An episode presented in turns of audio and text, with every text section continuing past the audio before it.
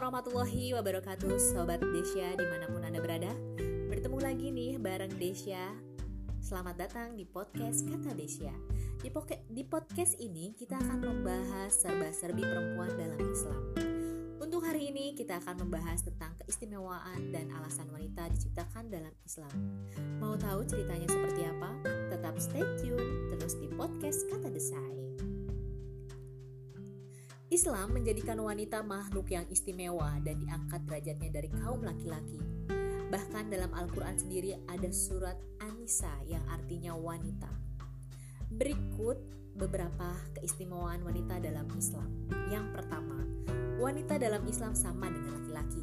Islam menciptakan wanita sebagai pasangan dari laki-laki. Sebagaimana terdapat dalam Al-Quran surat Al-Hujurat ayat 13 yang berisi, Hai manusia, Sungguh kami telah menciptakan kamu dari seorang laki-laki dan seorang perempuan. Kemudian kami jadikan kamu berbangsa-bangsa dan bersuku-suku agar kamu saling kenal. Sungguh yang mulia di antara kamu di sisi Allah ialah orang yang paling bertakwa. Sungguh Allah Maha mengetahui, Maha teliti. Dalam ayat tersebut kita dapat mengetahui bahwa posisi dari wanita muslimah menurut Islam dan laki-laki muslim sebagai berikut. Bahwa posisi wanita dalam Islam adalah pendamping laki-laki. Kodrat wanita dalam Islam bukan bawahan ataupun alasan yang bisa diperlakukan sekehendak hati atau dituruti layaknya bos. Namun wanita adalah teman hidup yang sejajar. Pada akhir ayat Allah menegaskan bahwa orang yang mulia di sisi Allah tergantung dari tingkatan iman dan Islam atau ketakwaannya pada Allah. Keistimewaan kedua adalah kedudukan ibu lebih tinggi dari ayah tiga derajat. Ini merupakan bentuk dari Islam mengistimewakan wanita. Dalam suatu riwayat dijelaskan tentang seseorang yang bertanya kepada Rasulullah Shallallahu Alaihi Wasallam, siapakah yang harus dicintainya lebih dulu? Maka Rasulullah Shallallahu Alaihi Wasallam menjawab, ibumu. Pertanyaan tersebut diulang sampai tiga kali dengan jawaban yang sama, dan setelah ditanya keempat kalinya baru kemudian Rasul menjawab ayahmu. Begitu tinggi penghargaan Islam kepada pengorbanan seorang wanita, sehingga ketika menjadi seorang ibu, maka wanita mendapat derajat tiga kali lebih tinggi dibandingkan ayah. Keistimewaan yang selanjutnya adalah melindungi wanita dalam perang. Agama Islam melarang membunuh wanita dan anak-anak dalam perang. Dalam hadis Rasulullah Shallallahu Alaihi Wasallam berkata, Rasulullah telah melarang orang-orang yang telah membunuh ibnu Abu al Hukhaik untuk membunuh wanita dan anak-anak. Abdurrahman berkata, salah seorang dari mereka berkata, istri dari Ibnu Abu al-Hukaik telah menyusahkan kita dengan teriakannya. Aku lalu mengangkat pedangku untuk membunuhnya, namun aku teringat dengan larangan Rasulullah. Maka aku pun men mengurungkan niatku. Seandainya tidak ada larangan itu, niscaya aku akan membunuhnya. Hadis riwayat Malik. Keistimewaan yang selanjutnya adalah mendapat bagian dalam warisan. Pada masa jahiliyah wanita dianggap sama seperti barang yang bisa diwariskan. Namun Islam memperlakukan wanita layaknya manusia. Islam memberi wanita hak atas warisan terhadap harta dalam Islam dengan pembagian yang telah ditentukan. Sebagaimana dalam Al-Qur'an surat An-Nisa yang beris yang ber, ber, Allah berfirman, bagi laki-laki ada hak bagian dari harta yang ditinggalkan ibu, bapak, dan kerabatnya dan bagi perempuan juga ada hak bagian pula dari harta peninggalan ibu, bapak, dan kerabatnya, baik sedikit ataupun banyak dari harta yang telah ditetapkan.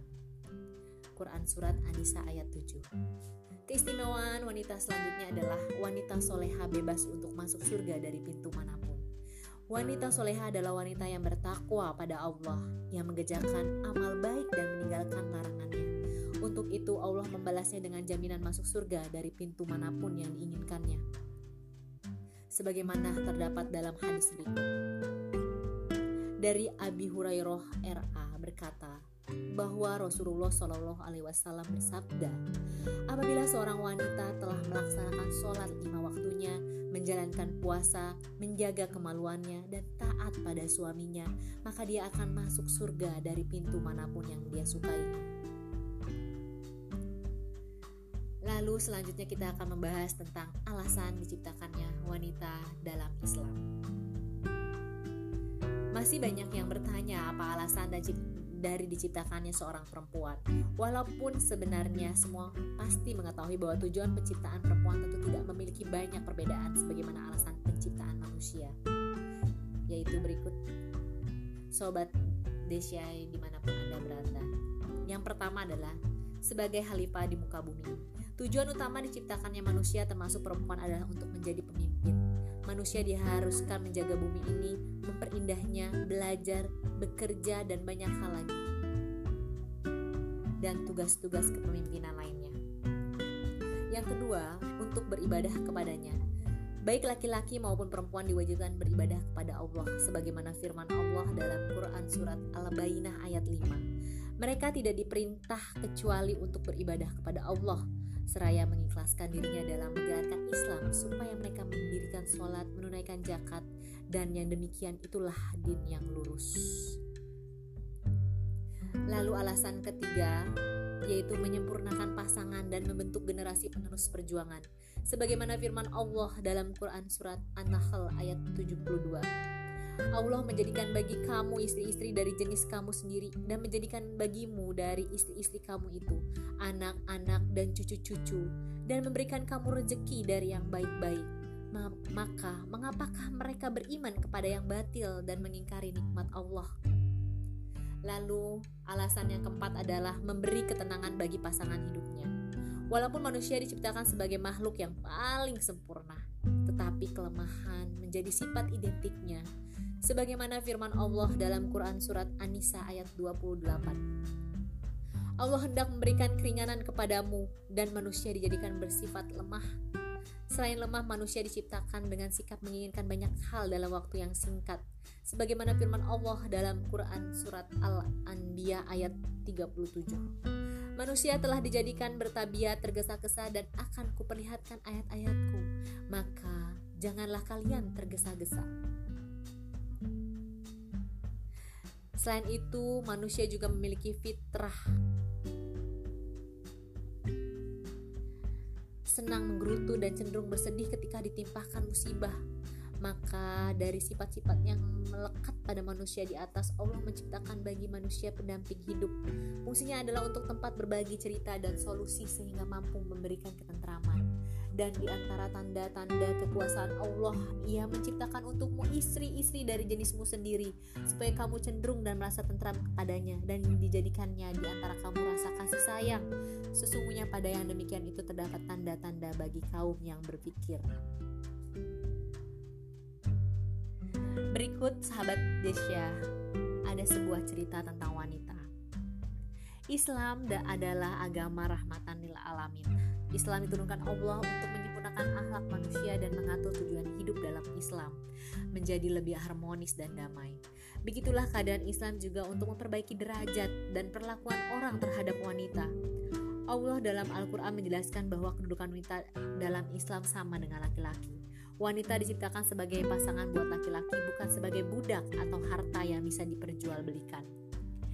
Banyak hal, banyak hal yang diperbaiki Islam terhadap ah, terhadap akhlak dan pandangan orang jahiliyah terhadap wanita. Pada zaman jahiliyah, wanita dipandang rendah, budak nafsu, bahkan tidak berarti sama sekali. Dahulu kelakuan para uh, kafir Quraisy terhadap wanita sangatlah keji.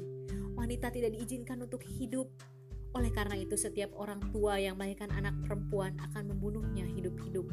Allah Subhanahu wa taala berfirman.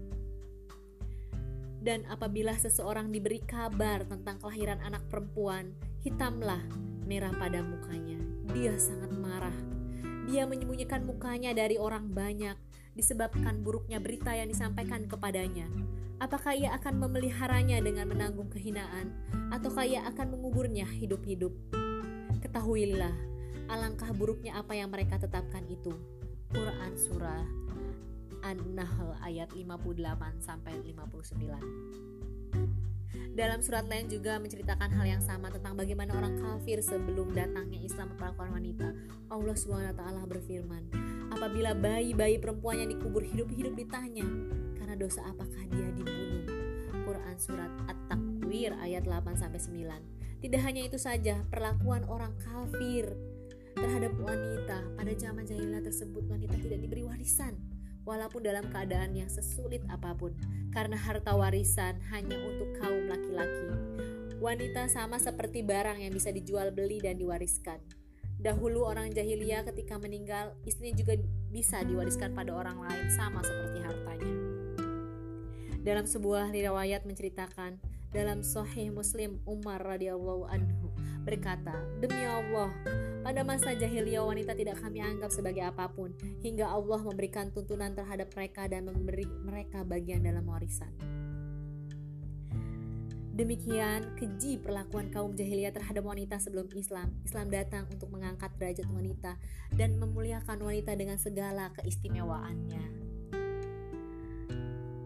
Baik sahabat Desya, ternyata wanita diciptakan di muka bumi ini ada alasan dan keistimewaannya. Sebagaimana setelah tadi kita dengar bersama-sama sahabat Desya, keistimewaan wanita dalam Islam terbagi menjadi lima. Wanita dalam Islam sama dengan laki-laki yang kedua, kedudukan ibu lebih tinggi dari ayah tiga derajat. Ketiga, melindungi wanita dalam perang. Keempat, mendapat bagian dalam warisan. Dan kelima, wanita soleha bebas masuk surga dari pintu mana pun. Lalu, yang keempat, alasan diciptakannya wanita, wahai sobat Desya. Yang pertama, sebagai khalifah di muka bumi. Yang kedua, untuk beribadah kepadanya. Ketiga, menyempurnakan pasangan dan membentuk generasi penerus perjuangan. Dan keempat, memberi ketenangan bagi pasangan hidupnya.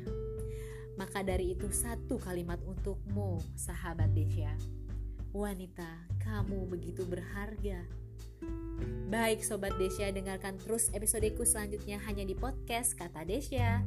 Bagi teman-teman ingin kirim saran dan kritik bisa DM di Instagram aku di @desisurya26. Jangan lupa pesan ibu pakai masker, jaga jarak, cuci tangan dan hindari kerumunan. Saatnya aku mohon pamit dan sampai berjumpa lagi di next episode. Wassalamualaikum warahmatullahi wabarakatuh.